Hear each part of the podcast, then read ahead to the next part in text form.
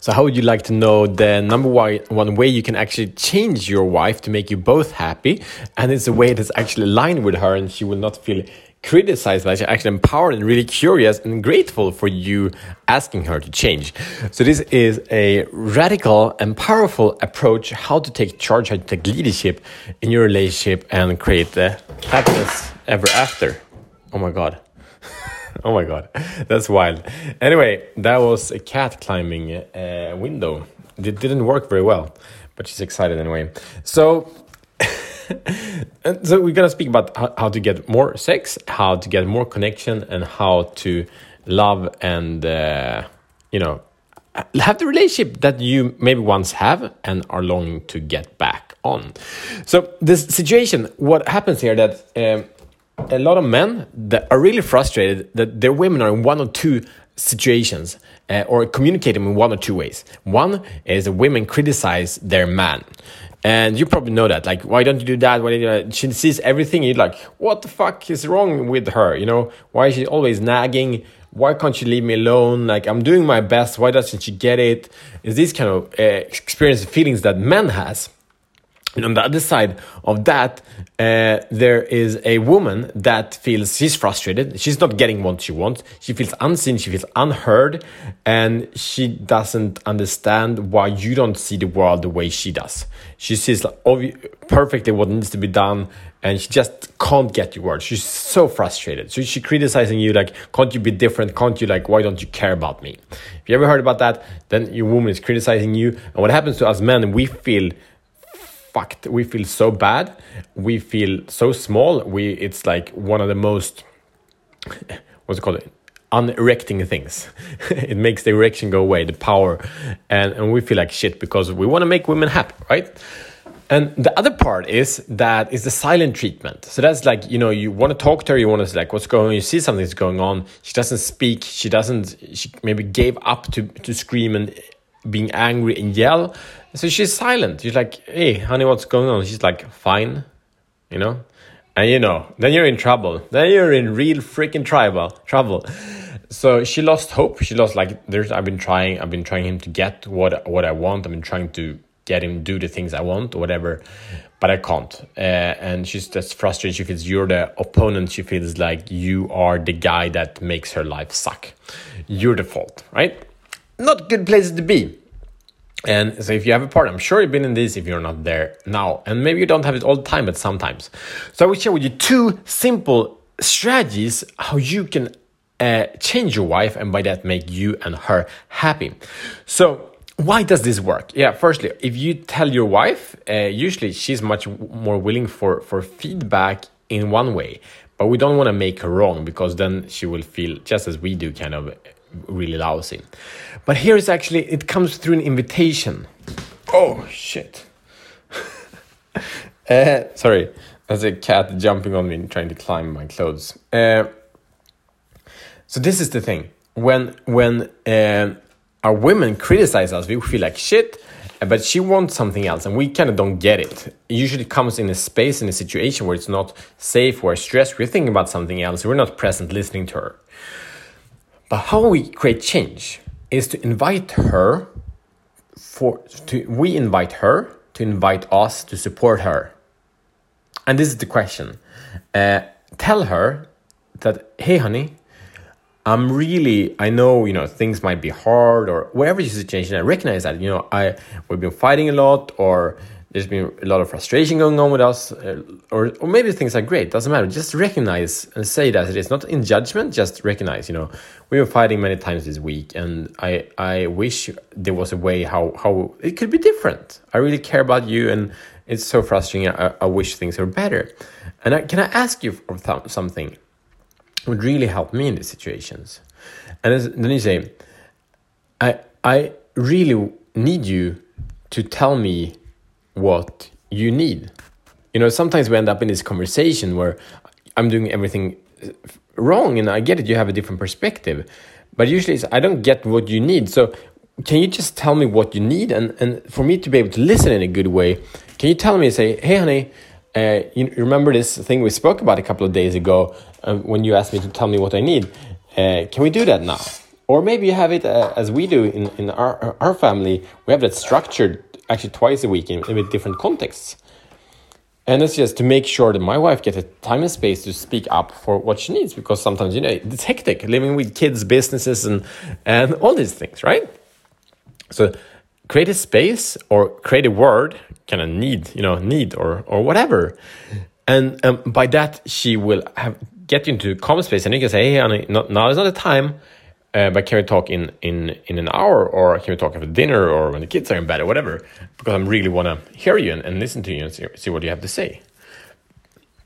And then when she tells you what she needs, like listen to her, like get it. Sometimes it is a want or it's a need. But if it's really a need, uh, if you're in, in wanting to develop a partnership that's beautiful where you both get all your needs met, uh, serve her needs and be curious, uh, you know, and help help her uh, because she actually asks you to to show the fuck up there, right?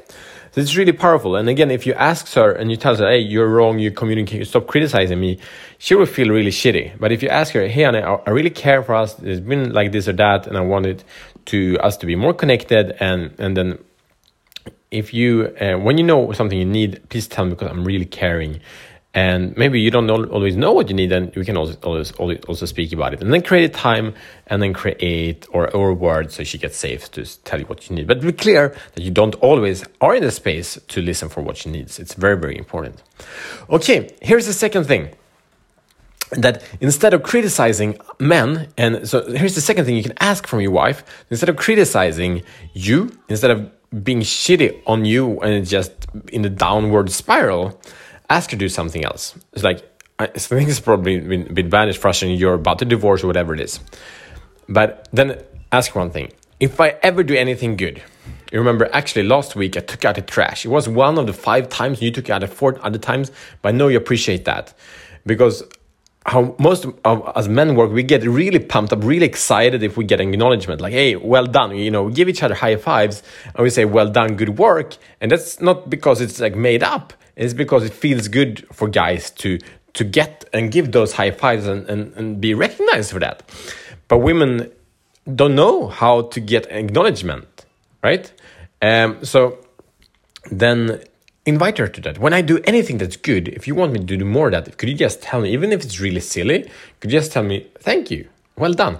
Like I, I have my wife doing that sometimes. Like, yeah, I get really excited, really proud. It's like, okay, you know whatever if, if, i if i clean or i do anything and and she she she tells me like then then my brain goes straight away how can i do more of that? I get really pumped up like can you say that i'm, I'm stupid and easy to cheat cheat? But whatever you know it works it works. It makes men excited it makes us excited to serve uh, and help out if we get acknowledged if we get celebrated for what we do. How powerful is that right? Isn't it extraordinary? Yeah Let's do that. So what's going to happen here is that she, first question, you, she will feel more empowered. She was like, hell yeah. Uh, you know, I can ask for what I need, not always getting promised, you know, about that, but I'm sure you will find a way. Because what happens is that you end up in much more calmer, clear communication. Second part, you'll be acknowledged for shit you do. So you'll feel seen. And it's like the, some of the efforts you're actually doing that she doesn't see today, she will recognize you for. And she will also be trained to recognize those things. So th- these two things are so simple. They can transform your, your relationship. They, this can transform your marriage. And here's the, the hook, here's the challenge. This both take leadership because any process we put in place will fail. It's gonna usually fail fast, otherwise it works for a little bit and gonna fail. So your challenge is, you know, how do you check in on this after a month? Hey babe, you know, we spoke about this a month back, you know, that I might do tell you what need. What do you need? You know, we didn't speak about that. It didn't happen. And I get it. You know, it's not her fault because you're probably programming in a very different way. So if she didn't tell her what she needed, that's fine. But check in in a month and then check in in a week and check in in a day. Hey, you know, when we spoke about this, what do you need? So you as a leader, you need to be in charge. If you want to do this, you want to level up your relationship and improve it in all ways possible, you need to be in charge. You can't like, hey, I said it once, why the fuck don't you? Like, that doesn't work. This is not, this is not a blame game. This is a game of leadership. This is a game of, of showing the fuck up, taking charge. Like, this is my relationship. I'm 100% into this. It's 100% my responsibility. I invite her to take 100% responsibility. If she's not, I'm going to take 100% responsibility until she's so freaking inspired by me taking charge that she can't do anything else. That's ownership. Get it? Yeah. It's a good one. I know it's good. Do that because it's so attractive, it's so powerful. She'll be amazed when she feels you showing the fuck up like that.